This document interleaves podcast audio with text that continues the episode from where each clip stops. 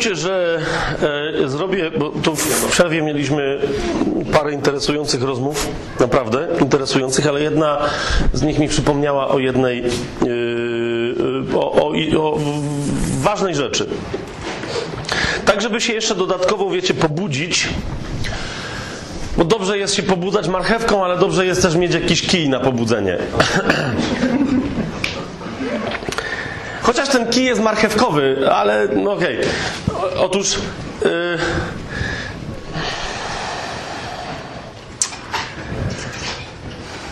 No, no tego z Biblii wam nie pokażę, co teraz powiem, bo to jest, to jest prorokowanie na temat nadchodzącego czasu, tego najbliższego czasu. I nie lubię akcji pod tytułem przypisywanie czegoś z Biblii, że to się właśnie teraz dzieje. Niemniej myślę, że uczestniczymy w pewnym procesie, który w Polsce jest nieuchronny.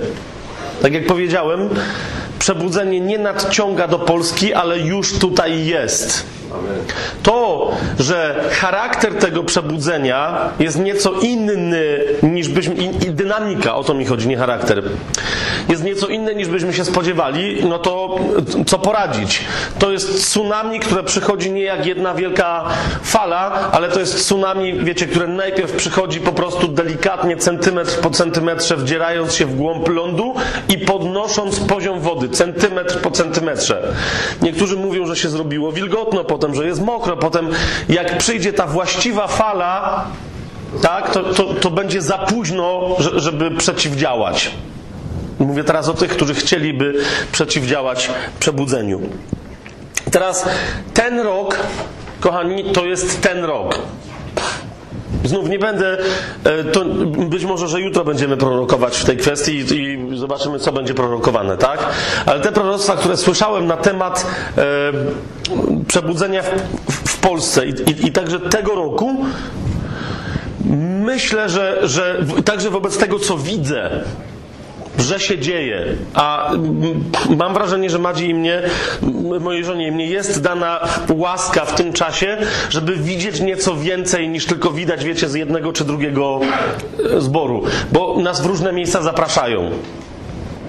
I teraz naprawdę mówię wam, że przebudzenie jest. Czy, czy załapiemy się na usługiwanie Panu wtedy, kiedy to przebudzenie nabierze rozpędu, czy załapiemy się na żniwo, kiedy Pan powie zapuśćcie sierpy, to jest kwestia podjęcia decyzji teraz. Reinhard e, Hitler, e, którego jak wiecie bardzo lubię, niekoniecznie z każdym słowem, które on wygłasza, bo tam ktoś mi powiedział, że niekoniecznie z każdym słowem, które, on wygłasza się całkowicie zgadzam. Chodzi mi tylko o to, że bardzo go lubię i mam go za przyjaciela i, on mnie, mam nadzieję, że też, e, ze względu na rodzaj życia, jaki wiedzie i świadectwo życia, tak? A nauczanie to jest jeszcze, jeszcze inna rzecz, chociaż też zasadniczo jest to, jest ono jak najbardziej okay. zasadniczo. Ale Reinhard e, myślę, że, że naprawdę w duchu prorokując e, e, jest jednym z paru, który powiedział o tym roku, że to jest, że ten rok 2018 na pewno dla nas w Polsce, ale myślę, że to jest kwestia ciała Chrystusa na całym świecie, jest doliną decyzji. Ok? To jest dolina decyzji. Dolina decyzji to jest, wiecie, to jest, to jest nazwa, to jest, y, to, to jest hasło z księgi Joela. Sprawdźcie sobie sami, bo to nie jest długa księga, e, co poprzedza Dolina decyzji. Tak? Więc, więc my tutaj mamy dolinę decyzji i teraz ta, ta, ta moja służba wobec was, bo naprawdę chcę wobec każdej i każdego z was, jak tu jesteście i, i, i także wobec siebie po prostu być służącym słowem, tak? Naprawdę nie wiem, nie wiem jak to, widzicie, to jest jeden z elementów, dla którego potrzebujemy przebudzenia w Kościele. Że, wiecie, że przychodzi sługa Boży, do zgromadzenia i wszyscy wiedzą, że skoro jest sługą Bożym, to trzeba mu służyć. Tak? I, i, I, jak ja chcę wam usłużyć, to się muszę tłumaczyć, że naprawdę chcę być kelnerem. Rozumiecie o co mi chodzi? Naprawdę chcę być kelnerem. Łazić i po prostu wam przynosić, co sobie zamówicie z tego Słowa Bożego. Tak? to choćby dlatego potrzebujemy przebudzenia, żeby się skończyli słudzy Boży, wiecie, wędrujący w lektykach, a, a żeby się zaczęli służący Boży. Teraz, y, żeby siebie i, i, ciebie, siostro i bracie, żeby pobudzić do tego, dlaczego ten temat ten dziś jest tak ważny. Bo jeżeli nie wypełnimy warunku przebudzenia, to nie będziemy mieli osobistego przebudzenia. Bez osobistego przebudzenia nie załapiemy się na to przebudzenie, które Pan naprawdę już czyni tutaj. Ok? Żeby Wam dać nie tylko proroctwo, ale też dowód na to, że to jest dolina decyzji. Kochani, od mniej więcej pół roku, może trochę więcej, Madzia? Nie, trochę więcej. Wy byliście, e, Kościół Nowe Przymierze był pierwszym, który nas w ogóle zaprosił. No, czekaj tam, no, y, nowe życie. E, nie, żeby Nowe Przymierze było czymś złym, ale... e, chyba tak było, nie? Że to był... To... I od tej pory, i od tej pory, yy, nawet nie wiedząc, że tu byliśmy, inni też nas zaczęli zapraszać z różnego rodzaju usługą. Teraz, kochani, ja myślałem, że my tam gdzieś usługujemy i tak jest. Ale też ostatnio bardzo mocno do mnie dociera, że Bóg nas wysłał po Polsce i nas pokręcił po Polsce i nawet nie tylko po Polsce, bo i do Anglii nas wysłał, żeby nam coś pokazać w Kościele. Jedną z rzeczy, nie będę wam teraz, o, wiecie, nie mamy czasu dzisiaj na to, ale to czuję, że muszę powiedzieć. Jedną z rzeczy, którą Pan nam pokazał w polskim ciele Chrystusa, jest niezwykły, jeszcze raz powtórzę, niezwykły głód autentyzmu, doświadczenia nowego Chrystusowego życia wśród świadków Jehowy. Okej, okay, jak już padło, świadkowie Jehowy i nagle what? O co będzie chodziło? To tak, będę kontynuować. Nie mieliśmy w zasadzie ani jednego spotkania, kochani, na którym by nie było byłego lub byłych świadków Jehowy, lub uważajcie, obecnych świadków, którzy mimo tego, czym to grozi, gdyby byli zauważeni, wiecie, przez kogoś innego z organizacji, że się udali na tego typu spotkanie, mimo tego ryzykowali, żeby przyjść i, wiecie, mogli tego potem odsłuchać w internecie, a jednak chcieli, wiecie, doświadczyć i przychodzili osobiście i przychodzą osobiście. Zrozumcie, e, być może, być może, że e, dzisiaj nie jest na to czas. Tutaj też e, mamy takie osoby, tak? Przynajmniej na pewno jedną. Zrozumcie, bycie świadkiem Jehowy i próba przestania nim być, nie tylko w tym kraju, ale gdziekolwiek na świecie, y, to równa się z doświadczeniem takiego ostracyzmu, a nie wiem, czy się w ogóle właściwym słowem posługuje teraz. To jest, to, jest, to, jest dość, to jest ryzyko doświadczenia takiego ostracyzmu, jakbyś była muzułmanką i wychodziła z islamu. Rozumiesz? Może nie w kraju typu Iran, w którym cię zabiją, ale w kraju typu Niemcy, w którym niby szariat nie obowiązuje, a jednak.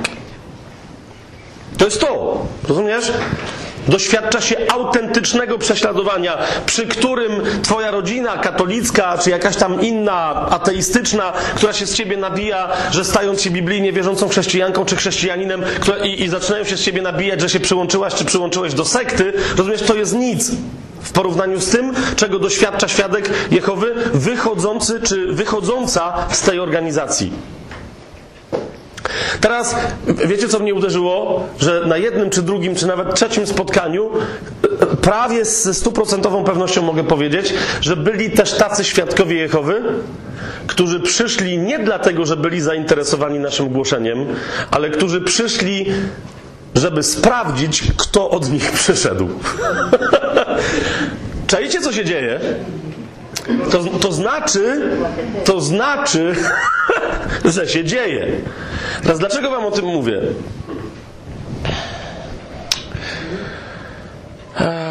Jak to powiedzieć? Delikatnie, czy, czy jeszcze bardziej delikatnie?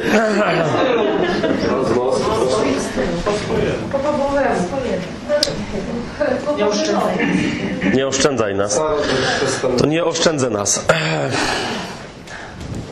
Kochani, załóżmy, że połowa obecnie funkcjonujących w Polsce świadków Jehowy, połowa, Co nie jest prawdą, ale załóżmy, że tylko połowa to są ludzie, którym zależy na tym, żeby być wiernym Słowu Bożemu. Tylko połowa. To jeszcze raz powtarzam, to jest nieprawda. Według mnie ich jest znacznie, znacznie, znacznie więcej. Są niewierzący świadkowie Jehowy. Przypuszczam, że tak. Ale nie sądzę, żeby to była aż połowa. Bardzo wielu świadków Jehowy, niekoniecznie z wychowania, ale naprawdę z zaangażowania to są ludzie, którzy chcą być wierni pismu. Tak? Którzy chcą być wierni pismu. I teraz, rozumiecie, w porównaniu z, z biblijnie wierzącymi chrześcijanami, ja wiem, ja wiem co, ja, ja, ja, ale rozumiecie, naprawdę protestanci w tym kraju nie doświadczali takiego ciśnienia jak świadkowie od katolików. Dlaczego? Ponieważ to świadkowie latali od drzwi do drzwi. Ponieważ to świadkowie, czy jest minus 20, czy jest plus 40, stoją na tych rogach ulic ze strażnicą. Wiecie o co mi chodzi, tak?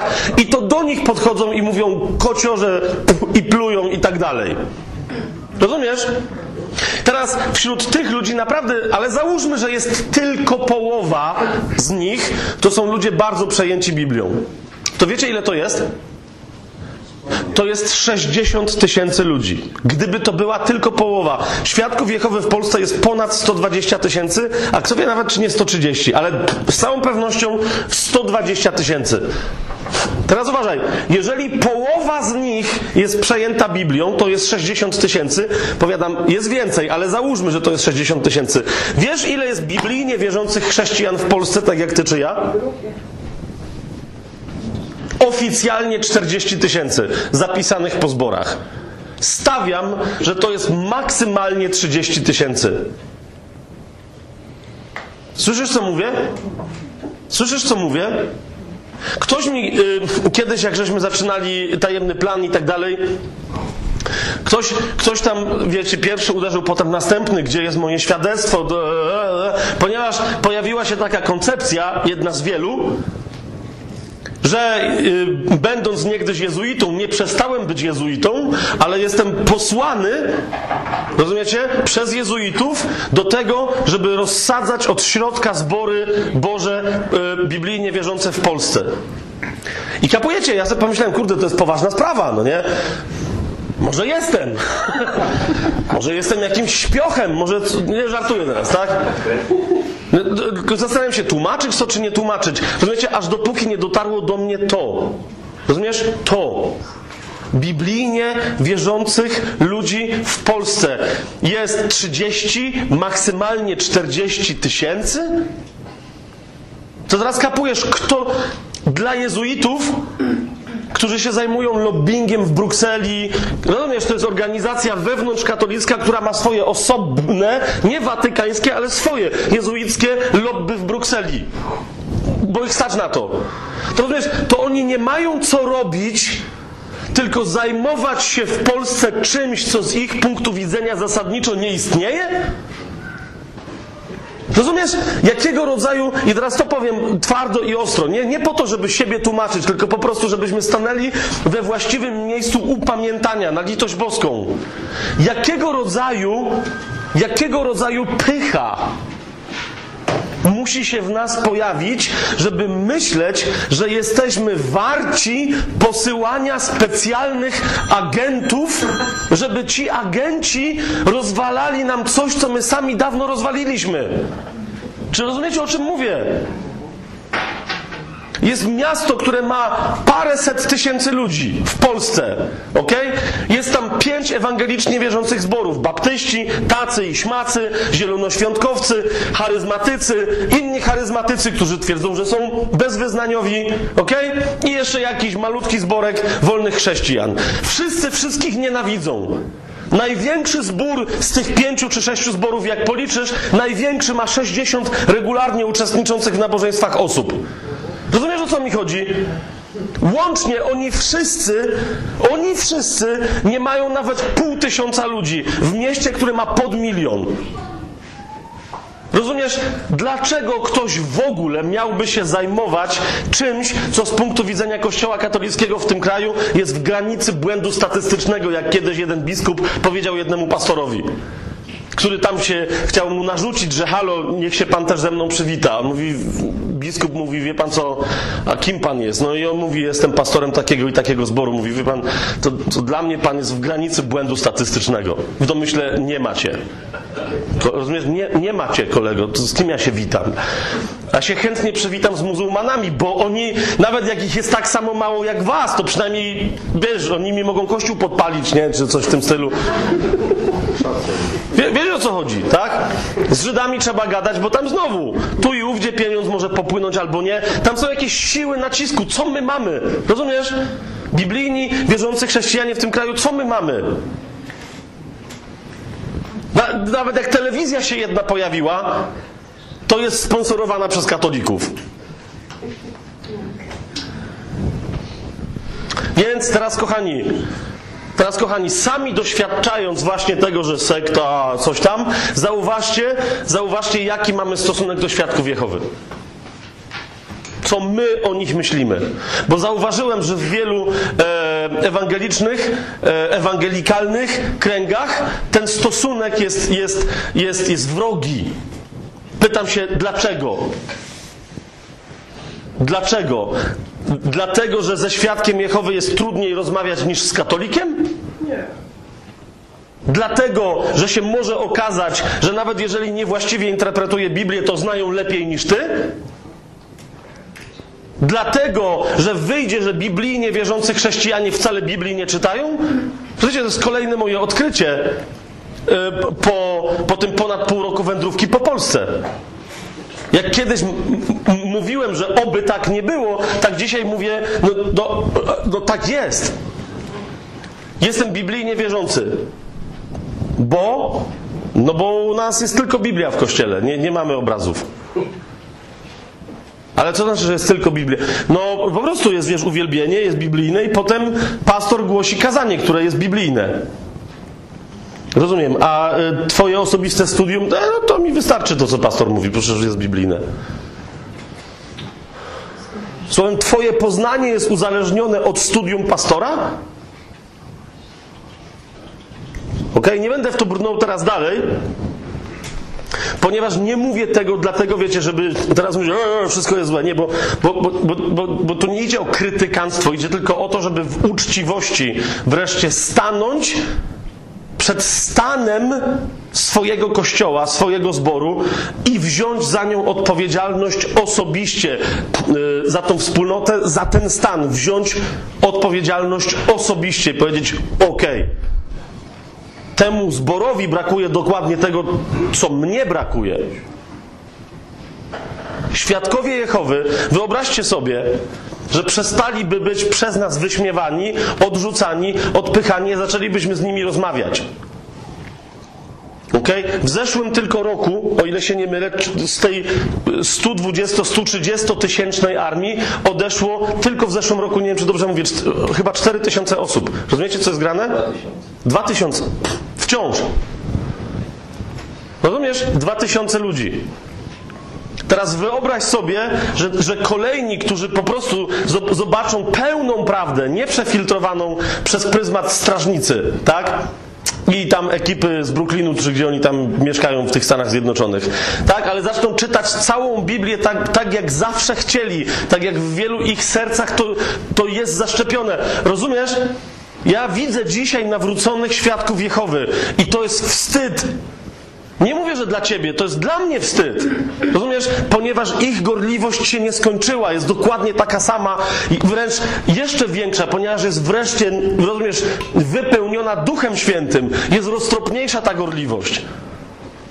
Ale oni dalej, rozumiesz, idą, świadczą, zakładają kościoły domowe i tak dalej, i tak dalej, i tak dalej.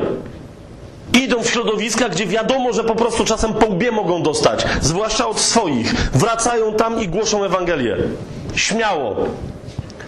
Wywalają ich drzwiami, to wchodzą oknem. Wywalają ich oknem, to wchodzą przez sufit. Po prostu. Wiercą i wiercą i się dowiercają. Są wytrwali. Zatem e, mówię wam o tym jako jednym z przykładów. Wszyscy spojrzeli, tu by, tu, tu by przeszli, no, tu, tu, by górą by przeszli, są trzy dziury, okej. Okay. To jest tylko jeden z przykładów, to, to jak wielu dzisiaj świadków w Polsce się nawraca, tak? I, i, i stają się naprawdę w pełni biblijnie e, wierzący. Jezusa rozpoznają e, w, w, całej Jego łasce jako, jako Boga i tak dalej, i tak dalej, i tak dalej. Ale też mówię to między innymi dlatego, że być, bo, bo, bo nie mam jakieś takie przeczucie wewnętrzne, że tu chociażby na tej tylko sali jest przynajmniej parę osób, o, które Bóg naprawdę wzywa do tego, żeby się wstawiać za świadkami Jehowy w Polsce. Wyobraźcie sobie, wyobraźcie sobie, że tylko jedna czwarta świadków e, by się nawróciła w ciągu najbliższego roku czy dwóch. 30 tysięcy. Rozumiecie, co się dzieje? 30 tysięcy ludzi, którzy znają Biblię, wiedzą jak się ją studiuje i zaczynają ją poznawać jeszcze lepiej. I zaczynają działać w mocy Ducha Świętego w imieniu Jezusa Chrystusa, który jeden jest Panem. Wyobraźcie sobie, co się dzieje. Oczywiście, po pierwsze, wyobraźcie sobie wstyd dla wielu nazwijmy to ewangelicznie wierzących chrześcijan w porównaniu. Ale niech będzie, ponieważ jeżeli ten wstyd ma nas wszystkich przyprowadzić do jeszcze głębszego nawrócenia, to niech przyjdzie ten wstyd. To, to módlmy się o to, żeby się cała ogromna fala świadków Jehowy nawróciła i żeby swoją gorliwością nas zawstydzili. Część powie, to jest cielesne, wytrenowali ich to człowieku duchowy pokaż, o ile lepszy jesteś od tych cielesnych. I przechodzimy do Księgi Objawienia.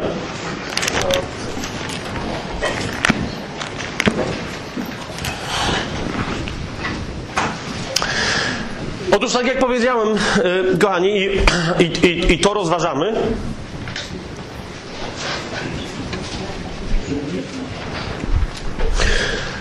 Według mnie istnieją dwa kościoły końca czasu. Rzeczywiście jeden jest szósty, a drugi jest siódmy z tych dwóch, ponieważ według samych słów Pana Jezusa, jeden ze względu na jego decyzję nie zostanie aż do końca, aż do przyjścia Pana Jezusa na tej ziemi, ale drugi, ten ostatni, ten siódmy, zdaje się, że zostanie i to na własną prośbę. Laodycea to jest ten ostatni kościół. Uważam, że chociażby patrząc na to, co dzisiaj się dzieje w, w, różni, w różnych miejscach w ciele Chrystusa, w różnych, o tyle jesteśmy blisko, że widać to, o czym Jezus ostrzegał. Teraz jeszcze raz, jak będziemy roz... króciutko tylko ten tekst rozważać, bo nie chcę się w niego zagłębiać, tak? Pamiętaj, nie myśl o kościołach, o zborach, które ci będzie ten tekst wydawało się, że sugerować. Nie, nie myśl o denominacjach, o, bo wiecie, łatwo usłyszeć tekst, a to o tych chodzi. Pamiętaj, to są listy pisane do pojedynczych osób reprezentujących te kościoły. I teraz moje pytanie brzmi, czy jesteś z Filadelfii, czy jesteś z Laodycei? To są dwa kościoły końca czasów. Filadelfia i Laodycea. Zacznijmy od Laodycei. To jest ostatni yy, kościół któremu się Jezus przedstawia, trzeci rozdział objawienia, czternasty werset, to mówi Amen, świadek wierny i prawdziwy, początek stworzenia Bożego. I teraz piętnasty werset i następne. Jezus pisze do tego kościoła: Znam Twoje uczynki, do każdego reprezentującego ten kościół. Znam Twoje uczynki. Nie jesteś ani zimny, ani gorący. A obyś był zimny albo gorący. A tak, ponieważ jesteś letni, czyli ani zimny, ani gorący, wyżygam cię z moich ust. Wiem, wiem, że e, tłumaczenia, większość tłumaczeń, one unikają kontrowersyjnych sformułowań i większość tłumaczeń ma, że wypluje cię z moich ust. Ale e, no, tam jest mowa o odruchu wymiotnym. Tam jest, wiecie, nie, utrzymam cię w moich ustach i, i cię zwrócę. To jest dokładnie w ten sposób. Nie wypluję cię i taki, wiecie, taki Jezus wypluł Laodycę. Nie, nie, nie. Jezus bardzo chce Laodycę utrzymać w swoich ustach, ale nie może jej przełknąć i musi ją zwrócić, ponieważ nie jest ani gorąca, ani zimna. I teraz dlaczego Jezus tak mówi? Jezus tłumaczy każdemu z tego kościoła: Ja tak mówię, bo ty mówisz konkretne rzeczy. Jakie? Otóż mówisz, 17 werset, jestem bogaty i wzbogaciłem się i niczego nie potrzebuję. A nie wiesz, komentuje Jezus, że jesteś nędzny i pożałowania godny, biedny, ślepy i nagi. Jesteś nędzny, pożałowania godny, biedny, ślepy i nagi. Zauważ, Kościół w Smyrnie, rozdział drugi, na zewnątrz wyglądał, jakby wszystkiego mu brakowało i jeszcze wpadł w tarapaty, ponieważ zaczął być prześladowany. To jest drugi rozdział, dziewiąty werset. Jezus im mówi: Znam Twoje uczynki, Twój ucisk i Twoje ubóstwo. I od razu zaznacza: Ale jesteś bogaty. Ale mówi, jesteś bogaty, to jest jeden, jedyny kościół. Nie będziemy czytać tego listu, ale zobaczcie, to jest jeden, jedyny kościół, przeciwko któremu Jezus nie ma nic. Jezus się pochyla nad tym kościołem i mówi mu: Wytrzymaj. Jeden, jedyny kościół, przeciwko któremu Jezus nie ma, nie, nie mówi, ale mam przeciwko tobie. Temu kościołowi nic nie mówi, mówi mu tylko: Wytrzymaj a czeka cię nagroda. Wytrzymaj, bo cię chce mieć wytrzymałego. Wracamy do Laodycei. Laodycea mówi: Jestem bogata i wzbogaciłam się i niczego nie potrzebuję. A Jezus mówi: A nie wiesz, że jesteś nędzna i pożałowania godna, biedna, ślepa i naga. Radzę ci kupić u mnie złota wypróbowanego w ogniu, żebyś się wzbogacił i białe szaty, żebyś się ubrał i żeby nie ujawniła się hańba Twojej nagości, a swoje oczy namaść maścią, żebyś widział. Na, rozumiesz, to jest maść uzdrowienia, namaść maścią, żebyś widział. To znaczy Jezus dokłada jeszcze jedną rzecz. Nie dość, nie dość, że jesteś nędzny, pożałowania godny, biedny, to jeszcze raz podkreśla, jesteś nagi i jesteś ślepy. I jeszcze raz ci mówię, jesteś nagi i jesteś ślepy. Co to oznacza? Po pierwsze, jeżeli ten kościół jest nagi, nie będziemy teraz tego tematu rozwijać, ale sami to sprawdźcie. To znaczy, że brakuje mu tej białej szaty. To znaczy, że nie czuwa. To jest kościół, który zauważcie, Jezus mu nie zarzuca, że się nie modli. To jest tylko kościół, który nie czuwa. To jest kościół złożony z ludzi, którzy nie czuwają. Niektórzy mówią często, gdzie nie rozważamy tego, gdzie nie przychodzi ten temat, mówią, że no ale przecież to jak ja się modlę, to czuwam. Gdyby tak było, to po co Jezus mówiłby czuwajcie i módlcie się, abyście nie ulegli pokusie? Czuwajcie i módlcie się.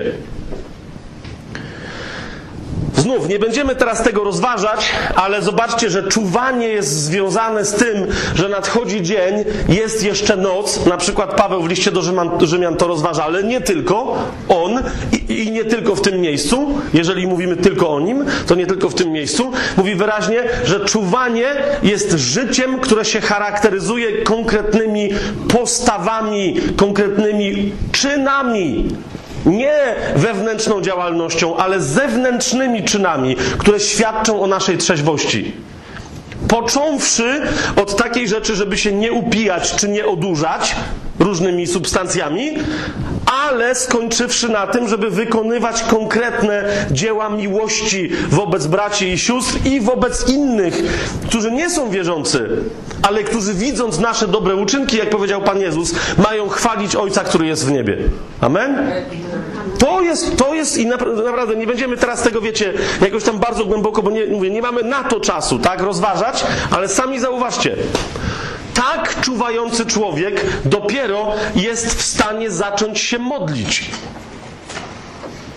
Tak czuwający człowiek. Człowiek, który myśli trzeźwo, gdyż jest czuwający. Wczoraj żeśmy nieco sobie mówili, jak przyjechaliśmy u pastorów, rozmawialiśmy na temat tego, że nie dał nam Bóg ducha bojaźni, ale mocy, miłości i samokontroli, albo powściągliwości, albo trzeźwego myślenia. Właśnie, tak? I naprawdę te trzy tłumaczenia, powściągliwość, samokontrola i trzeźwe myślenie, one naprawdę dobrze oddają tamto słowo. Teraz podam wam przykład. Rozmawialiśmy o tym, potem poszliśmy e, spać, ale nie mogłem spać. Jeszcze się trochę, mimo że późno to było, ale, ale wciąż się modliłem. I w pewnym momencie po prostu, tak, myślę, że Duch Święty mi pokazał jedną książczynę Dereka Prince'a. Ponieważ mi jest to autor zupełnie nieznany, wybaczcie, jeżeli kogoś szokuje, ale po prostu. A książczyna była taka cieniutka, myślę sobie, dobra, jeżeli to nie jest Duch Święty, to i tak wiele czasu nie stracę, tak? Książczyna się nazywała Jedna Mila chyba, czy coś takiego. I on tam ciekawą rzecz pisze, mianowicie mówi, że Jezus powiedział, że jeżeli ktoś od ciebie się domaga, żeby iść z nim jedną milę, to idź z nim dwie. I potem, wiecie, masa nauczań się rozpoczęła na ten temat, że dwie mile to jest miara miłości, czy coś w tym stylu, tak? A on słusznie zauważa, mówi, no bez przesady, jedna mila to jest miara miłości, ta druga, bo w tej pierwszej łaski nie robisz.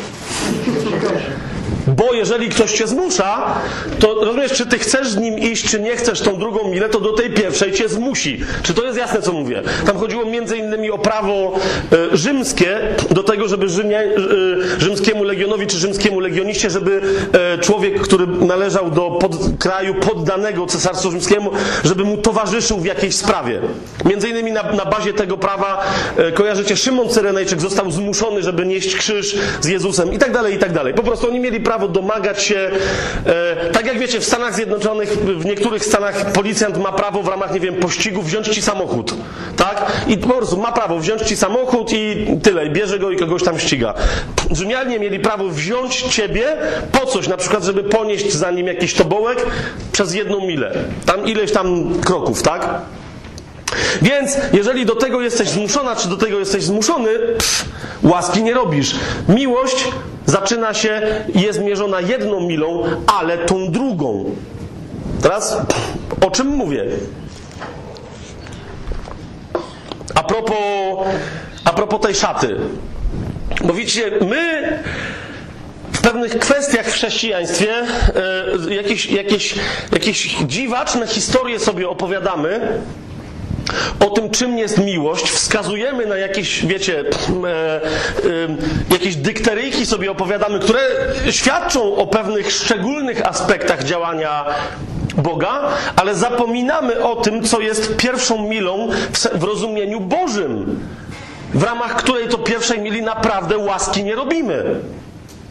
Podam wam przykład, właśnie ten, który, który u Dereka Prince'a e, spostrzegłem. On mówi, że E, wychwalał kiedyś jakichś misjonarzy pracujących w Afryce, głoszących Ewangelię, małżeństwo, tak? Że oni poświęcili swoje życie i tak dalej, i tak dalej. I w wielu miejscach podawał ich przykład, aż kiedyś oni umarli, ale spotkał się na jakimś takim e, rodzinnym zgromadzeniu z dziećmi tychże misjonarzy.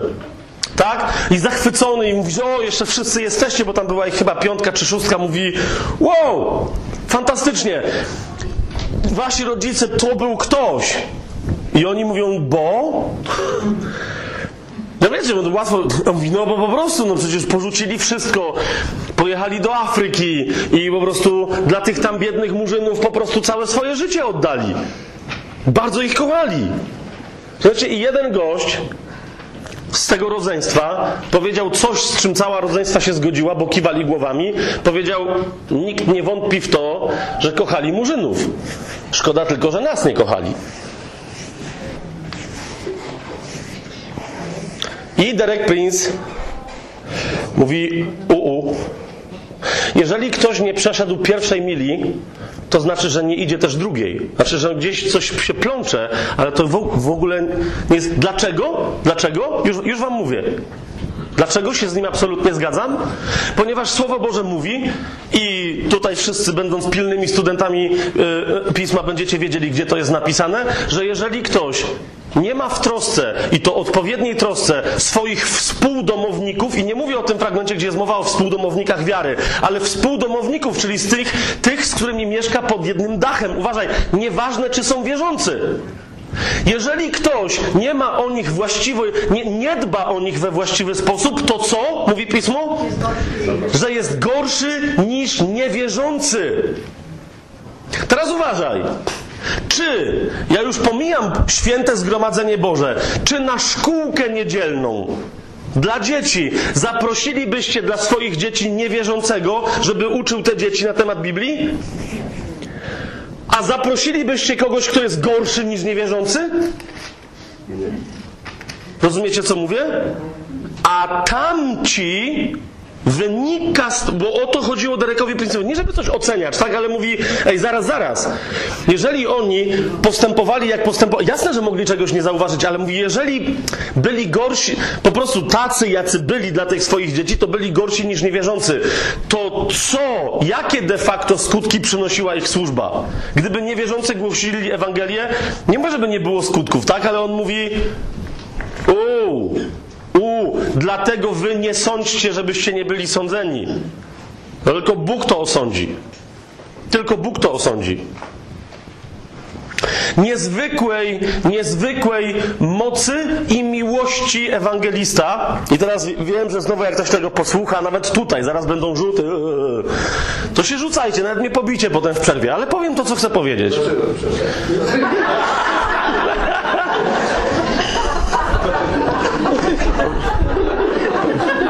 Powiem to, co mam powiedzieć.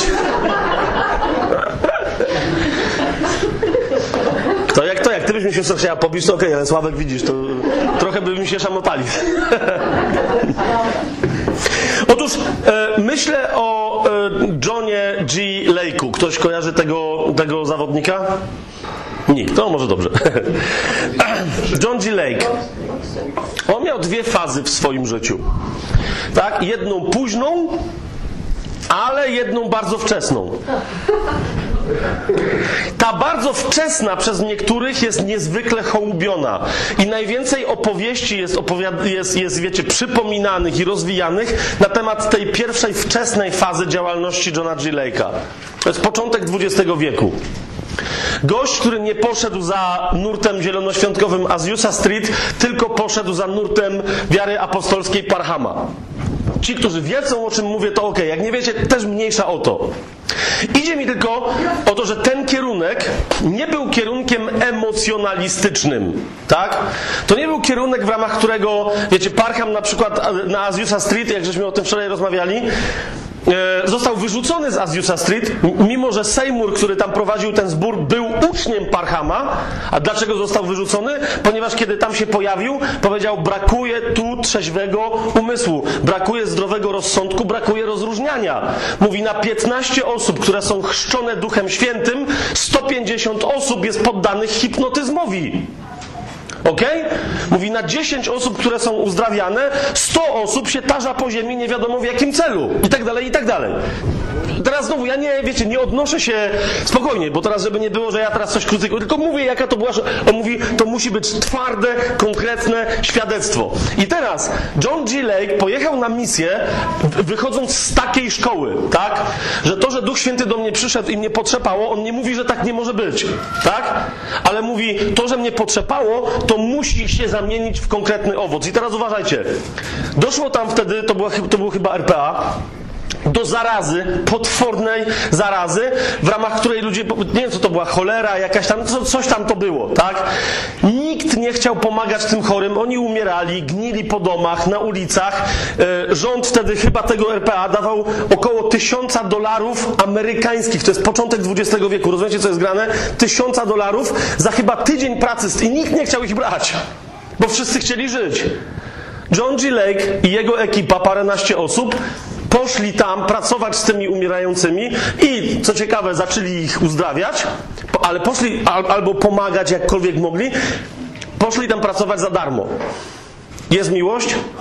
Jest. Teraz nikt z nich nawet się nie zaraził, a jak się zaraził, to szybko był uzdrawiany. W związku z tym nikt z nich, o nikim z nich nikt nie wiedział, żeby kiedykolwiek de facto się zarazili.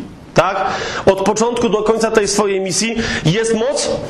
Jest. Jakbyście mieli wątpliwość, to między innymi, no właśnie niektórzy się dokładnie na to powołują, tak? No tam się pojawiła ekipa dziennikarzy, naukowców i lekarzy, którzy powiedzieli, hej, musicie nam zdradzić sposób swojego działania. Przecież gdybyśmy wszyscy wiedzieli, to byśmy też tu służyli. Jak się chronicie przed zarazkami? John G. Lake powiedział, Duch Święty. I teraz wiecie o co mi chodzi? Łatwo jest powiedzieć Duch Święty, ale tu masz dziennikarzy, którzy za chwilę cię wyśmieją, naukowców, którzy wiedzą jak cię sprawdzić i lekarzy, którym bardzo zależy, tak? Oni też chcą leczyć, chcą pomagać, ale nie chcą się zarazić i umrzeć. Więc mówią tak, jasne, Duch Święty. Konkretnie, John G. Lake powiedział, posłuchajcie, wszystkie mikroskopy, co tam macie, tam była jakaś taka piana, wydzielina z, e, z płuc tych, czy z czegoś tam tych chorych, e, która była pełna tych zarazków tamtej choroby. Nie pamiętam jaka to była choroba, tak? On mówi, dajcie mi to na rękę. Mówię wam, że Duch Święty działa fizycznie, zarazki nie są w stanie zacząć działać, ponieważ kiedy położycie mi je na rękę, zostaną zabite. Tak?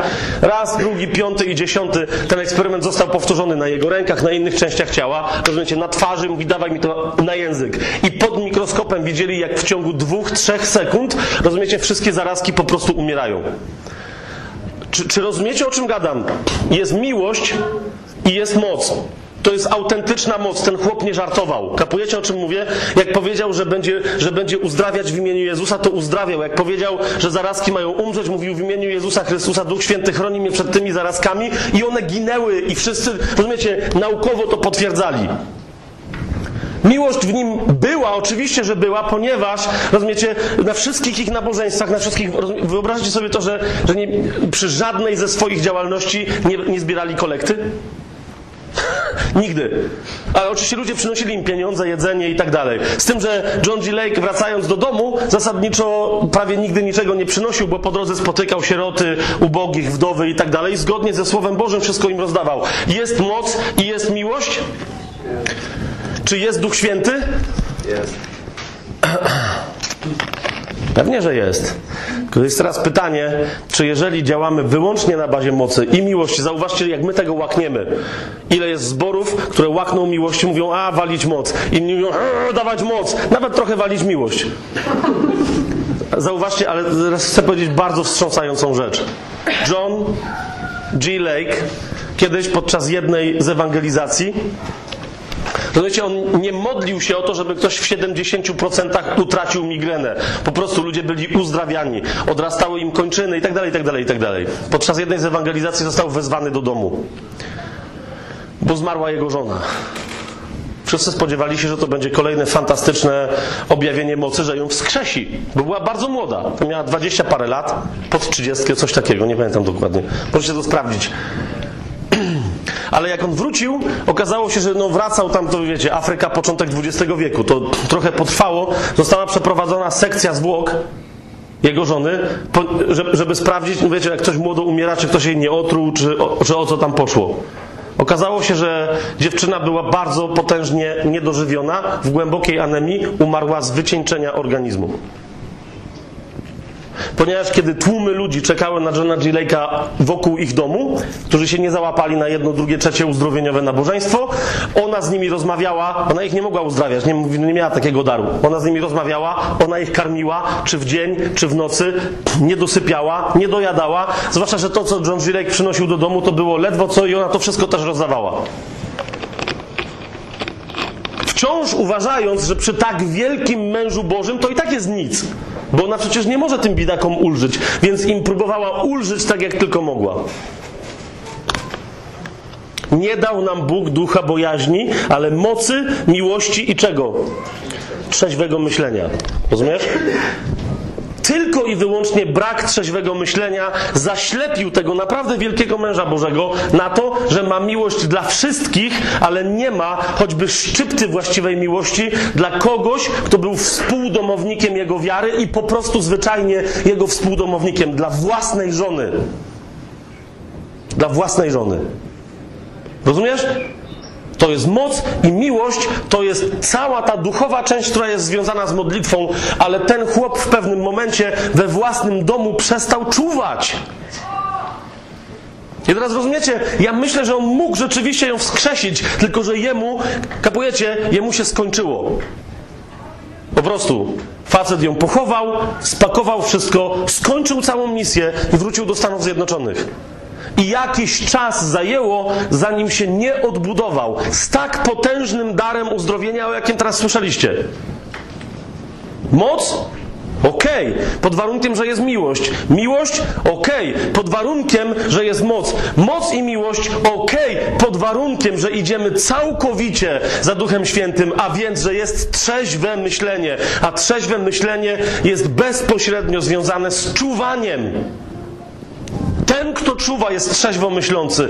Ten, kto czuwa, widzi, w którym miejscu naprawdę okazuje miłość, a w którym miejscu po prostu jest do czegoś zobowiązany.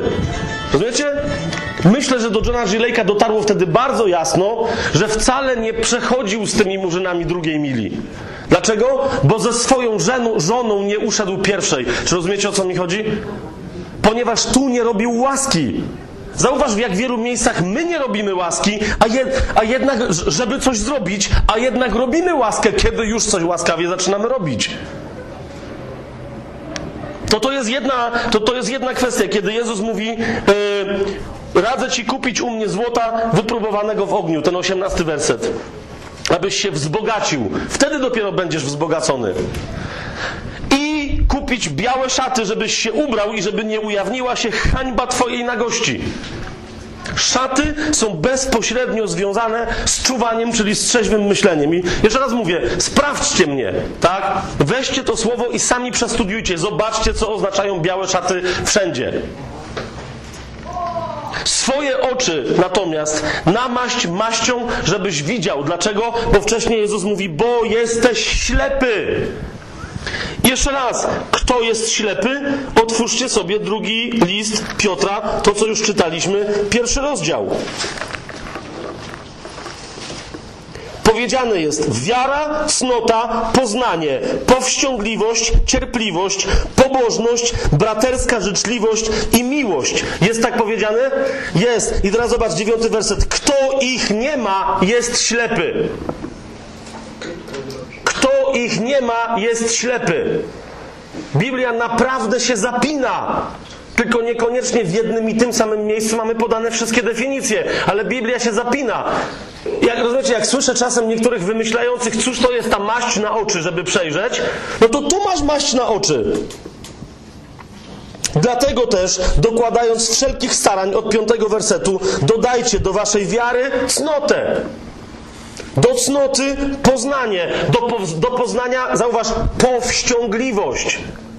Jak to, do, to dodasz, do powściągliwości cierpliwość, do cierpliwości pobożność, do pobożności braterską życzliwość, a do tej braterskiej życzliwości wszelką miłość. I wtedy nie jesteś ślepy. Wtedy nagle zaczynasz, wra- wracasz, nawracasz się od jakichś wędrówek chrześcijańskich po tradycjach denominacyjnych i innych, nawracasz do Słowa Bożego, a przez nie nawracasz się do swojego osobistego powołania. Zaczynasz wołać do Boga, Boże, co ja mam robić? Czego ode mnie chcesz? W jakim wielkim Twoim dziele mam uczestniczyć? A ojciec ci odpowiada, tak samo masz działać jak mój syn. A on powiedział, ja nigdy nie czynię niczego, cokolwiek bym nie widział, że ojciec czyni. Amen? I nagle jest, i nagle rozumiesz, że to, rozumiesz, to nie jest kwestia, że teraz przejdziesz jakąś technologiczne szkolenie, pięciodniowe, siedmio, kurs dwunastotygodniowy i będziesz wiedzieć, jakie jest Twoje powołanie. Twoim powołaniem jest patrzeć na Ojca i czynić to, co On Tobie pokazuje, że On czyni. Rozumiesz? Przebudzenie w kościele tam jeszcze też pewnie zajdziemy, ale pamiętacie autentyczne przebudzenie w kościele zielonoświątkowym pierwszych zielonych świąt? To nie jest drugi rozdział dziejów apostolskich. Z całym szacunkiem do Zielonych Świąt i do Boga, który tam działał, i z całym szacunkiem do tego kościoła, który przyjął ten dar. Ale to jest czwarty rozdział dziejów apostolskich. Zobaczcie, Jezus powiedział: Będziecie mi świadkami w Jerozolimie, w Judei i gdzie? I aż po krańce ziemi. Ok? A oni przyjęli dar Ducha Świętego, zaczęli głosić i w ogóle było super. I stworzyli genialny kościół pierwotny, ale gdzie? Tylko w Jerozolimie. Tylko w Jerozolimie. Dlaczego więc Piotr z Janem jako wstępne ostrzeżenie dostali... Dziękuję, myślałem, że mi chcesz walnąć teraz.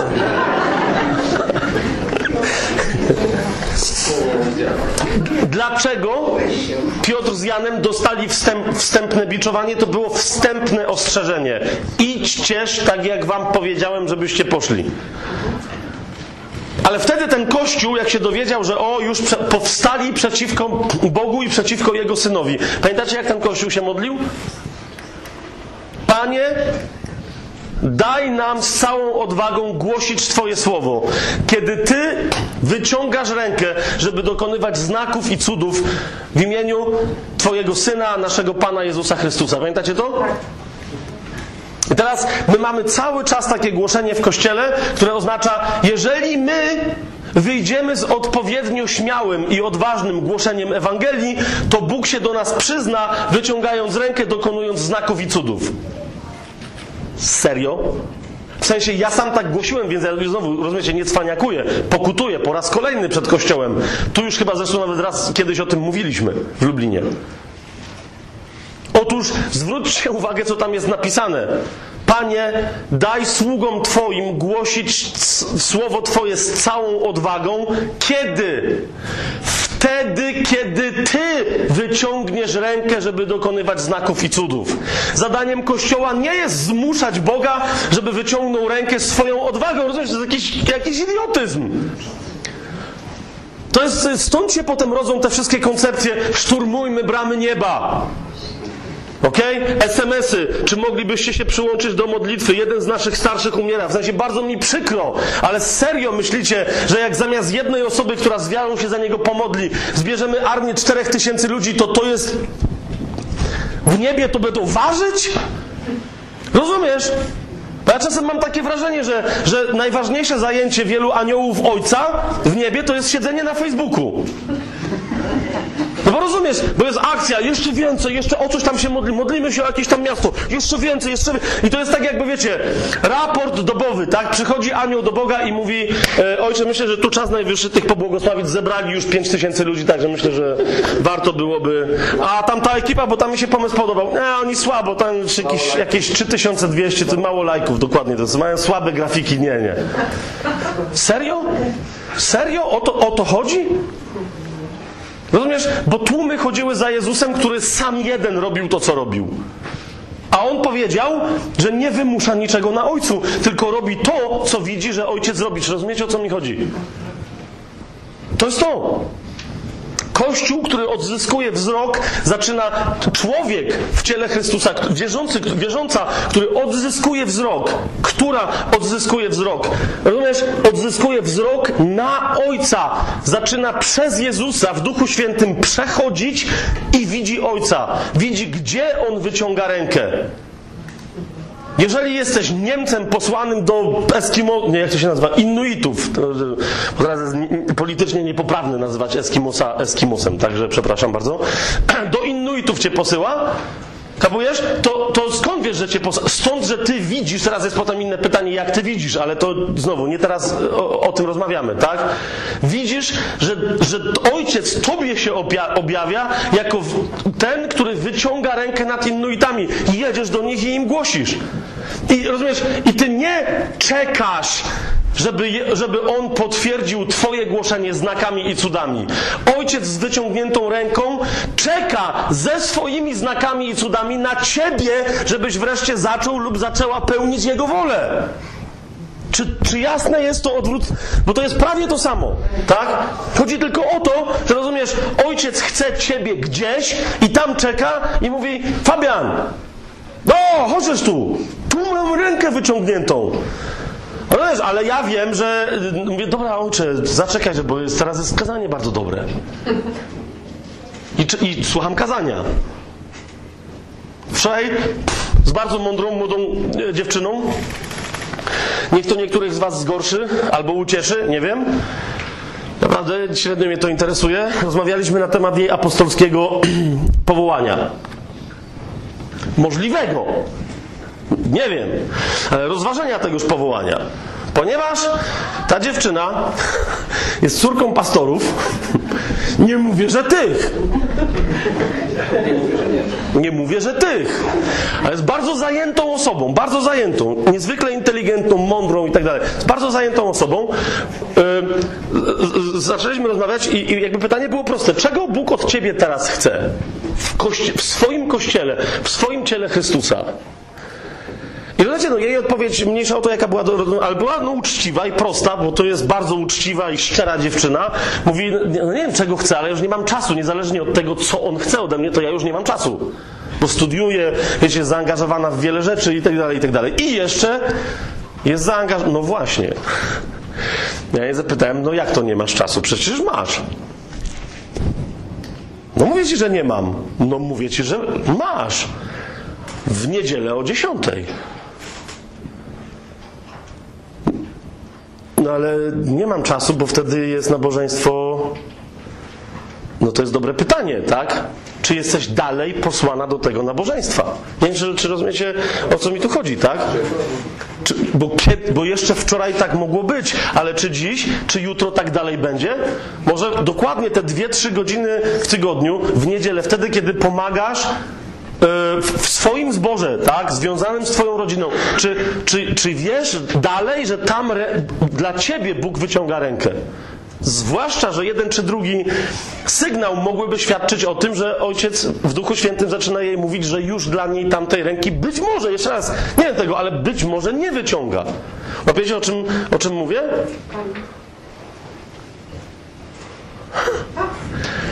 No w kościele, nie, nie, w kościołach domowych krakowskich jest wiele różnych naprawdę autonomicznych kościołów domowych. I Bóg od, od paru miesięcy, co miesiąc, zwołuje te kościoły. Naprawdę to jest Boża robota. Mam nadzieję, że, że to się w coś dalej, w to, co Bóg chce, że to się dalej przerodzi. I, ale naprawdę do tej pory to Bóg zwoływał te kościoły co miesiąc na wspólne świętowanie, e, nauczanie i tak.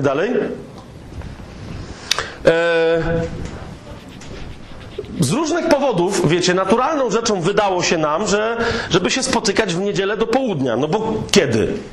Tak? I raz, ni stąd, ni zowąd, bardzo jasne rozeznanie, co miesięczne świętowanie w absolutnie uroczystą środę. Wieczorem. Panie, ale się tam za długo trwa. Okazało się, że, że cała genialna intensywność tego spotkania zamknęła się między 18 a 22 w środę. Tak? Ludzie de facto sobie rezerwują cały weekend wtedy, kiedy jest spotkanie kościołów domowych. Włącznie de facto z nami, Madzia, tak? Czemu nie niedziela? A jednak kolejny raz, teraz jak się dowiedziałem, wszyscy e, odkryli, że nie wiem z jakim przekonaniem, ale umówili się, że następne comiesięczne spotkanie będzie w sobotę.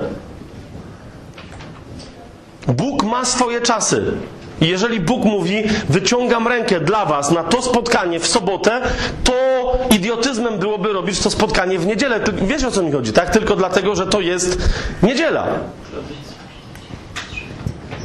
A więc, a więc, jeszcze raz, Kościół laodycejski i widzicie, według mnie to jest dzisiejszy Kościół. W, w, wie, nieważne jaka to jest denominacja. Zrozumcie, nie mówię tego po to, żeby kogokolwiek krytykować, tylko żeby samego siebie obudzić i tych wszystkich ludzi w tych wszystkich zborach również do tego obudzić. W jak wielu zborach ludzie siedzą i są zadowoleni. W jak wielu zborach, w których mają i naprawdę mają i chylę czoło przed tym i jestem im bardzo wdzięczny i wielokrotnie dziękuję. Na przykład wielu baptystycznym kościołom. I, i potem dostaję od charyzmatyków różnej maści, że yy, jak to było, że, że po co ja w ogóle gadam o tych Kalwinach? O, to było coś takiego. Mówię, że to są baptyści, ale Kalwiny! Czemu? Bo to jest legalizm. Bo co, bo Pismo Święte znają... Eee! To, to, to, to, to o, właśnie tam tym powiedzeniem jestem bogaty i wzbogaciłem się i niczego już nie potrzebuję. Wiecie o co mi chodzi, tak? Jest dokładnie to. Halo, kto zna lepiej Biblię niż my? Oczywiście potem się pojawiają jeszcze więksi hardkorowcy, którzy mówią, a my znamy jeszcze lepiej. Ok? Bo u was nie wszystkie kobiety mają chustki na głowach. A nasze kobiety nawet nie trzeba im zwracać uwagi. Teraz kapujecie, ostatnio miałem taką rozmowę a propos tego, bo jeden gość mi bardzo wytłumaczył, mówi, posłuchaj, ja tu nie rozumiem, ty pozwalasz kobietom nauczać w kościele, nawet nie słyszałeś mojego nauczania na ten temat, ale niech będzie. No okej, okay, ale ja widziałem, tam kobiety w ogóle, wiesz, się modlą i w ogóle nic nie robisz, nie mają nic na głowie. Okej, okay. mówię, y, dobrze, yy, yy, tak, mówię, ale wiesz czemu? Czemu mówię? Bo ja podchodzę strasznie hardkorowo do Pisma Świętego. Strasznie hardkorowo. I uważam, że jeżeli taki fragment chcesz naprawdę bardzo radykalnie, tak, dosł- tak dosłownie przycisnąć, to musimy być fair i każdy inny tego rodzaju fragment, każde inne tego rodzaju zalecenie powinniśmy tak samo. I on mówi, oczywiście, że tak. Oczywiście, że tak. Mówię, no to słuchaj, tam jest napisane, że kobiety mają mieć te głowy przykryte, no chyba, że nie mają obciachu. Mówi, jak to, jak to, jak to? No i zaczynamy czytać, że tam jest napisane, tak? Że no, chyba, że się kobieta chce szczyc. Mówi, to jak się szczyże, to nie musi nakrywać głowy. Pamiętacie to? Ja mówię, czyli wiesz, że jest warunek, tak? A dzisiaj, nie żebym coś mówił, ale zobaczcie na kobiety. Która z was się nie szczygła? Kiedyś. Więc rozumiecie, jest tam pewien warunek i moglibyśmy zacząć wstępną dyskusję, ale teraz mówię przyjacielu, wiesz co, natomiast, więc to tutaj musielibyśmy rozważyć, dokładnie zbadać, która kobieta chce się szczyc, która się nie chce i wtedy ustalać, która ma mieć te chustki na głowie. Natomiast mówię, jak idziemy tak hardkorowo, to wiesz, ja na przykład od jakiegoś czasu strasznie skracam modlitwę, mówię. Nie mówi, jak to, dlaczego? Mówi, nie wolno czegoś takiego robić. No ale mówię, muszę, widzisz, bo ja naprawdę hardkorowo podchodzę do Pisma Świętego, a tam jest wyraźnie napisane, żeby mężczyźni modlili się z odsłoniętą głową cały czas, trzymając czyste ręce wzniesione wysoko do nieba. Więc mówię, rozumiem, że jak u was wszystkie kobiety mają chustki i się nie pytacie, która ma jakie opinie, to rozumiem, że jak półtorej godziny trwa u was uwielbienie, to ty nie opuszczasz ani jednej ręki, ani na chwilę. Czyż nie? Czyż nie? Moja żona mi jeszcze dodała, że tam jest bez gniewu i sporu. To już to nawet zostawiam. Już to nawet zostawiam. Rozumiesz, że jest istotne, żeby kobietę okutać tym tym, rozumiesz, bo inaczej nie możesz się... Od... Nie mów, wyjść stąd. Masz chustkę, ty masz akurat, dobra. Jesteś, w razie czego się zategujesz, no nie? A ty masz? Też masz, kurczę. Pastorowa nie ma. Ha! Nie, ma kaptur. A! Kapturek ma. Ka kapuzę, okej. Okay. Wiesz o co mi chodzi? I teraz skończyliśmy tę rozmowę, tamten się nieco skonfundował, po czym mnie serce zabolało, wiecie dlaczego? Bo sobie wyobrażam, że za dwa miesiące całkiem możliwe, że jak tam podjadę, to oni naprawdę skrócą modlitwę, że tyle, ile chłopy wytrzymają z tymi rękami. Wiecie o co mi chodzi? I teraz, i teraz, ale bo o co mi chodzi? Naprawdę w tamtej rozmowie, tak, ja ją troszeczkę teraz, troszeczkę przebarwiłem, ale w tamtej rozmowie było dokładnie to, to słychać. To, co Jezus mówi. Mówi, że jestem bogaty, wzbogaciłem się i niczego już więcej nie potrzebuję. To było dokładnie to. Rozumiesz? Mamy wszystko. Mamy wszystko. Po prostu to, to, to, to jest w tym kościele jest wszystko, już nic, bo, bo tam była też dyskusja oczywiście, czy dary istnieją dalej, czy wiecie, cesacjonizm klasyczny, czy uzdrawianie, czy to wszystko, czy dalej istnieje. I ten gość bardzo uczciwie, dokładnie, rozumiecie, to było sformułowanie, mówi, wiesz co, nawet jak istnieje, ale po co nam to? Nie, naprawdę, na, nawet jeżeli mówimy już naprawdę, to jest człowieku, to jest wszystko tak poustawiane, mówi, po co to komu? Po co to komu? Po co to komu, pastorze? Nie miałeś chorych w ciągu ostatniego roku, naprawdę? Czy oko trzeba było bardzo mocno przymknąć na czyjeś fizyczne cierpienie? Nikt ci nie umarł przedwcześnie, nie wypełniwszy do końca woli Bożej swojego powołania w swoim życiu? Nikt? A nawet jeżeli nie chodziło o śmierć, serio? Uważasz, że jedyne z czym my chrześcijanie możemy wyjść do cierpiącego człowieka, któremu medycyna mówi, no niestety, jeżeli nawet morfina nie pomaga, to już nie wiemy, co zrobić. To jedyne, co my możemy powiedzieć, no cóż, jeżeli medycyna nie może ci pomóc, to my tym bardziej? Serio? Naprawdę? Masz wszystko? Ale z drugiej strony, ale z drugiej strony, jeszcze raz, zauważcie, bo mogą być kościoły i są zbory, które bardzo mocno posługują w darach. Tak, ten, ten klasyczny dzisiaj konflikt, dary czy nie dary. To, I nie chodzi mi o to, że teraz wam pokażę, że ale im brakuje Pisma Świętego. Nie, im brakuje wielu różnych rzeczy. Tak? Ale wciąż mają dokładnie tę postawę laodycejską. Ale zauważ, my mamy takie bogactwo, bo u nas są uzdrowienia. Widzisz to? No widzę. Kapujesz? A gdzie jeszcze są? Więc jak są, to to jest takie bogactwo, że kto jest od nas bogatszy? Jasne, żebyśmy jeszcze potrzebowali więcej biblijnego studium, może to czy tamto. No tak, może rzeczywiście dobrze byłoby upomnieć tego jednego ze starszych, który codziennie leje żonę. Czasem po pijaku, a czasem na trzeźwo. Ale wiesz o co chodzi, no nie? Szkoda by go było stracić, bo jak on kładzie ręce na chorych. Teraz.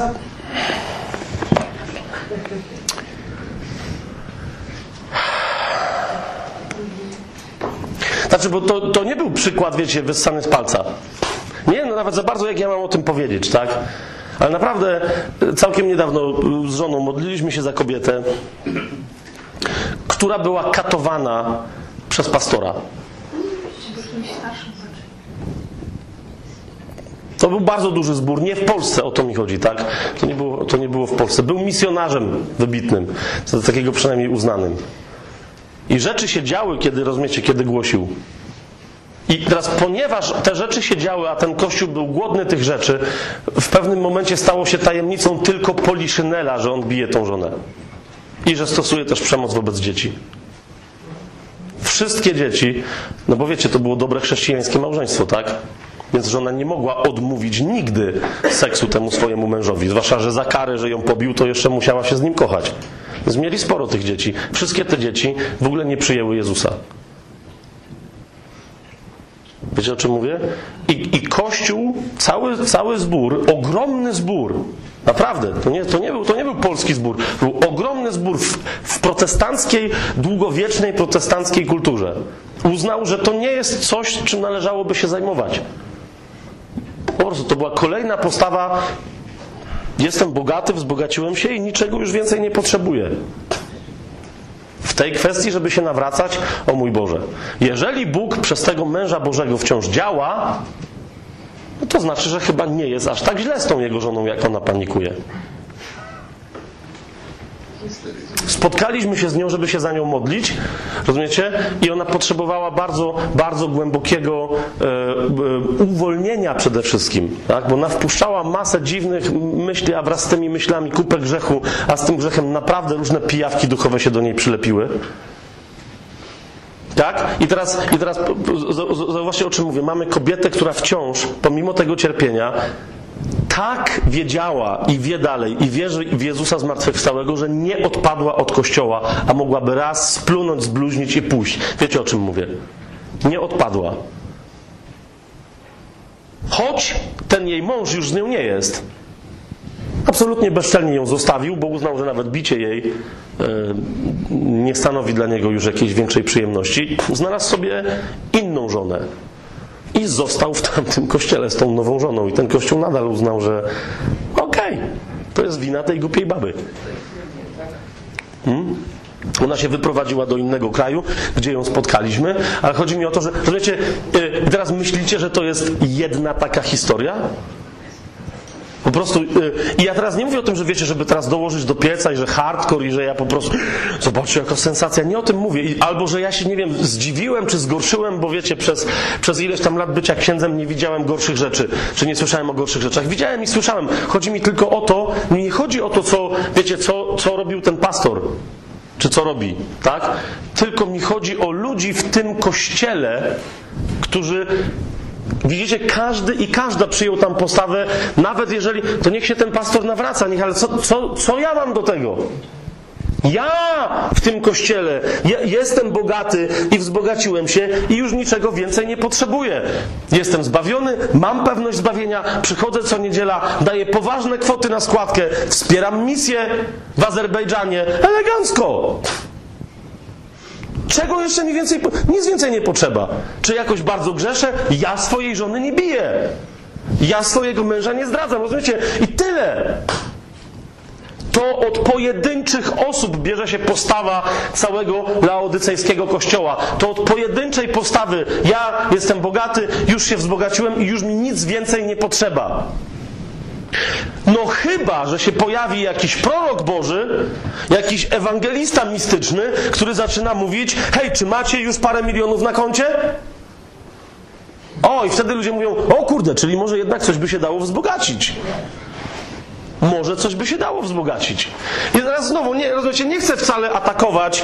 Yy, nie chcę wcale atakować e, wielu z tych, którzy są oskarżani o to, że głoszą Ewangelię sukcesu. Żeby to było jasne, tak? Żeby to było jasne. Ten człowiek, którego dopiero co w poprzedniej sesji nazwałem swoim przyjacielem, zresztą mi na to pozwolił,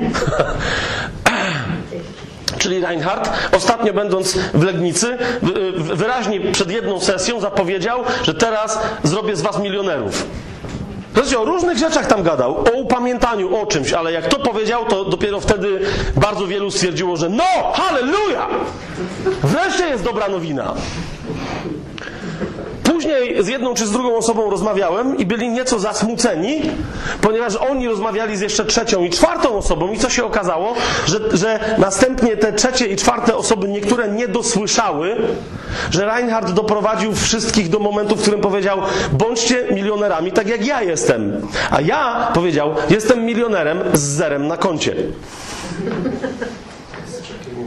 Dosłownie, jestem milionerem z zerem na koncie, tak? Ta, to bycie milionerem, o które jemu chodziło, a chociaż się nie zdziwię, jak za chwilę zostanie na różnych, wiecie, forach poszukiwaczy herezji oskarżony, że czyli nie mówiliśmy, Jemu chodziło o to, że, że, że te miliony i te bogactwa, nawet materialne, ma od Boga zawsze wtedy, kiedy dzieło Boże ich potrzebuje. Tak? Mając pensję, jaką oni tam mają? 1500, 2000 złotych dosłownie, tak? W tej, w tej Brazylii i jeszcze i tak większość swoich pieniędzy rozdając, facet otwiera w tym momencie kolejne, kolejny sierociniec dla dzieci ulicy brazylijskich. Tak? To kosztuje, rozumiecie, na miesiąc setki tysięcy, yy, około 100 tysięcy jeden kosztuje, tak? Oni otwierają teraz, który? Czwarty?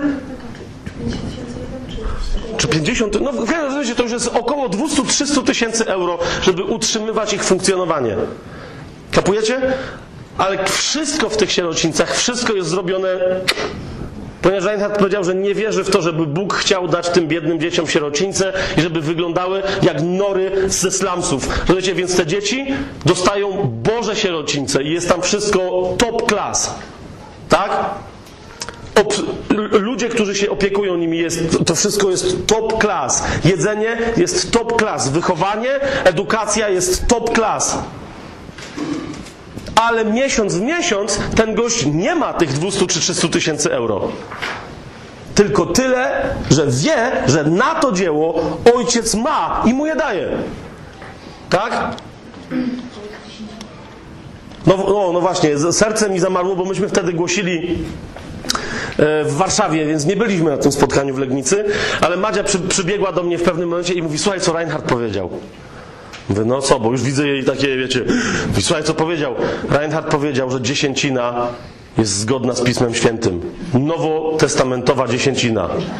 Rozumiecie, mi serce zamarło, mówię, no nie, no nie mów takich rzeczy, to przecież Reinhardt naprawdę zna Pismo Święte. A Madzia mówi, zaczekaj, zaczekaj.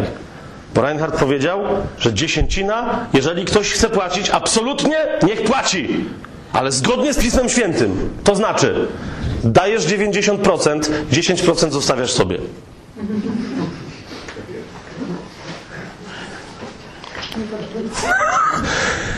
Takie wrażenie odniosłem, że zarówno przeciwnicy, jak i zwolennicy dziesięciny tam wtedy zamarli. Na zasadzie...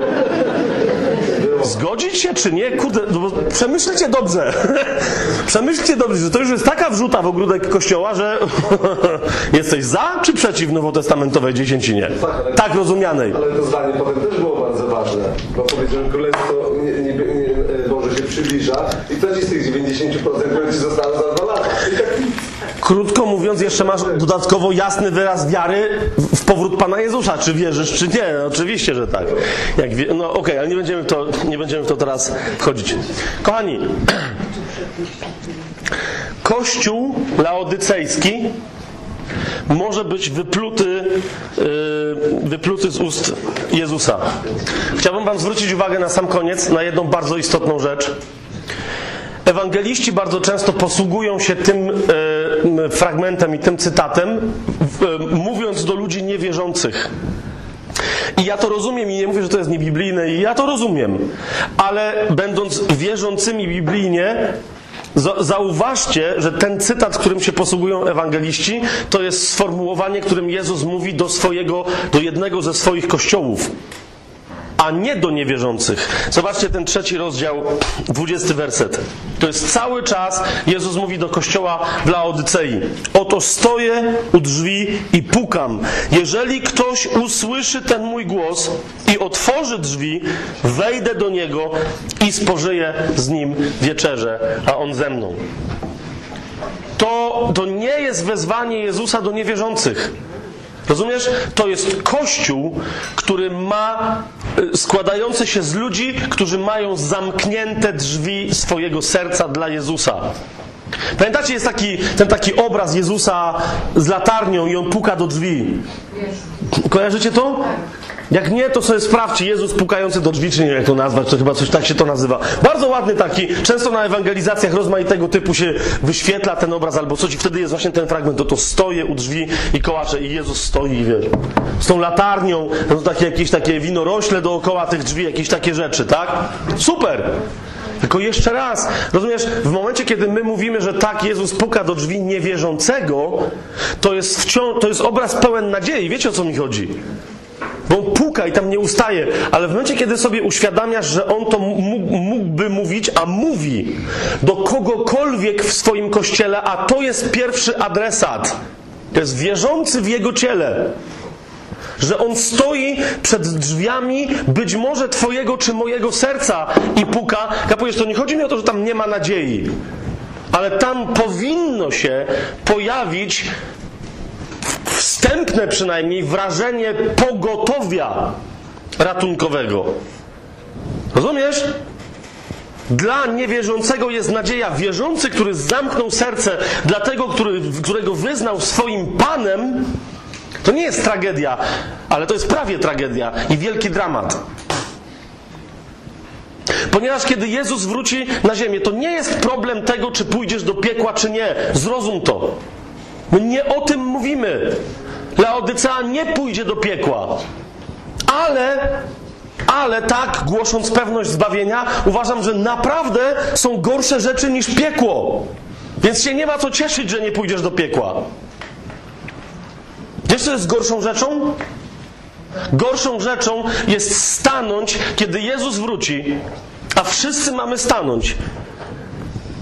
Ktoś tam mnie kiedyś tam zrugał gdzieś w internecie, żeby powiedziałem, że, e, że wszyscy pójdziemy na sąd.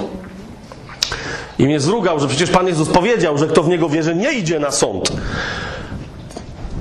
Okej, e, tylko sądów takich ewidentnych w Nowym Przymierzu, które, które Nowe Przymierze wyraźnie liczy, jest, nawet jak ktoś nie umie liczyć, to się na pewno doliczy siedmiu. Okej? Więc jak Jezus mówi, kto we mnie wierzy, nie idzie na sąd, to musisz sobie zaraz sprawdzić, na który. I jak ja mówię, że Jezus powiedział, że Paweł powiedział, że wszyscy musimy iść na sąd, to również musisz sobie odpowiedzieć, czyli na który. Oczywiście ten sąd dla precyzji lepiej jest nazwać Trybunałem Chrystusa, czyli sądem Chrystusowym, ale umówmy się, nie jest tak, że będąc zbawionymi, już jesteśmy wolni od wszelkiego sądzenia. Zobacz, yy, drugi list do Koryntian, piąty rozdział, dziesiąty werset. Cały ten, rozumiecie, tam nie ma żadnych wątpliwości co do tego, że cały ten rozdział, podobnie jak prawie cały ten list, cały ten list jest skierowany do wierzących i mówi prawie cały ten list tylko i wyłącznie o wierzących. W piątym rozdziale, w siódmym wersecie, zobaczcie, jest powiedziane my, tak? Pierwsza osoba, liczba mnoga, jest powiedziane my przez wiarę kroczymy, a nie przez widzenie. Kto to jest, kto idzie wiarą, a nie oglądaniem? Wierzący, tak? Teraz zobacz, dziesiąty werset. My, Paweł mówi o tych, że my, którzy wiarą chodzimy, a nie oglądaniem, mówi, my wszyscy bowiem musimy stanąć przed Trybunałem Chrystusa, aby każdy otrzymał zapłatę za to, co czynił w ciele, według tego, co czynił, czy dobro, czy zło. Ups. Kapujesz? Rzecz jest nie w tym, czy zostaniesz skazana, czy skazany na piekło. Jeszcze raz to powtarzam. Ponieważ jeżeli, jeżeli łaska doprowadziła cię do przyjęcia tej chwalebnej zamiany, jaką nam Jezus zaserwował, to nie możesz pójść do piekła, ponieważ to jest jedno jedyne miejsce, gdzie sprawiedliwość Boża się nie zmieści. Jeżeli raz w życiu stajesz pod krwią i pozwalasz tej krwi dotknąć swojego serca, aby cię zrodziła z woli Ojca na nowo, to co się dzieje? Ta zamiana, o której Paweł, mówi w tym samym rozdziale, w 21 wers- wersecie, w 5 rozdziale, w 21 wersecie, On bowiem tego, który nie znał grzechu, za nas grzechem uczynił, abyśmy my w Nim stali się sprawiedliwością Bożą. Rozumiesz, jeżeli ja się w duchu stałem samą sprawiedliwością Bożą, a piekło jest miejscem, które nie ma sprawiedliwości Bożej, bo nie ma bezpośredniej obecności Boga, tak? To po prostu ja się już, będąc w duchu choćby tylko sprawiedliwością Bożą, nie zmieszczę do piekła. Po prostu. Bo a nawet jak się zmieszczę, to wtedy ono się odsunie, ponieważ wprowadzę tam sprawiedliwość Bożą. Gdzie jest sprawiedliwość Bożą, nie ma odstępstwa od relacji z Ojcem. Więc to jest proste. Ale teraz widzisz, to mam za darmo. To mi Jezus wysłużył. To mi Jezus wypracował. To On to wykonał, a kiedy wykonał, powiedział: Wykonało się, załatwione. A Psalm 22 po hebrajsku mówi dokładnie to samo: On to uczynił. Ten sam psalm, który się zaczyna od Eli, Eli, lema sawachtani, Boże, Boże, czemuś mnie opuścił, on się kończy dokładnie, dokładnie tym, co Jezus tam dokończył na krzyżu. On to uczynił. Kropka. W momencie, kiedy to przyjmujesz, to się tym stajesz. Cały problem, kapujecie, utracalności lub nieutracalności zbawienia jest bezsensowny, jeżeli spojrzysz na niego z punktu widzenia nowonarodzenia. Bo rozumiesz, jeżeli to jest tak, e, to jest zbawienie. Cokolwiek teraz kto nie myśli, co to jest zbawienie. To jest zbawienie. To, o które się wszyscy kłócą, to jest zbawienie. Ja jestem Bogiem. I jestem z paktofoniki. E, ja, e, ja jestem Bogiem, a ty jesteś. Nie jesteś Bogiem. Chcesz być zbawiony? Tak. Super. No to, jest, no to masz. Daję ci zbawienie. Po czym nagle mówię, czekaj, a to jest iPhone? Nie. No to oddawaj. Kapujecie, y, nawet w tej sytuacji mamy takie powiedzenie po polsku, kto daje i odbiera, ten się w piekle poniewiera. Więc Bóg byłby dosyć dziwny, rozumiecie, zwłaszcza, że zbawienie to jest wybawienie kogoś od czegoś, tak? Wyobraź sobie, że tutaj płynie łódź, a tu się ktoś topi, tak? I ja go łapię i mówię, a złapałem cię.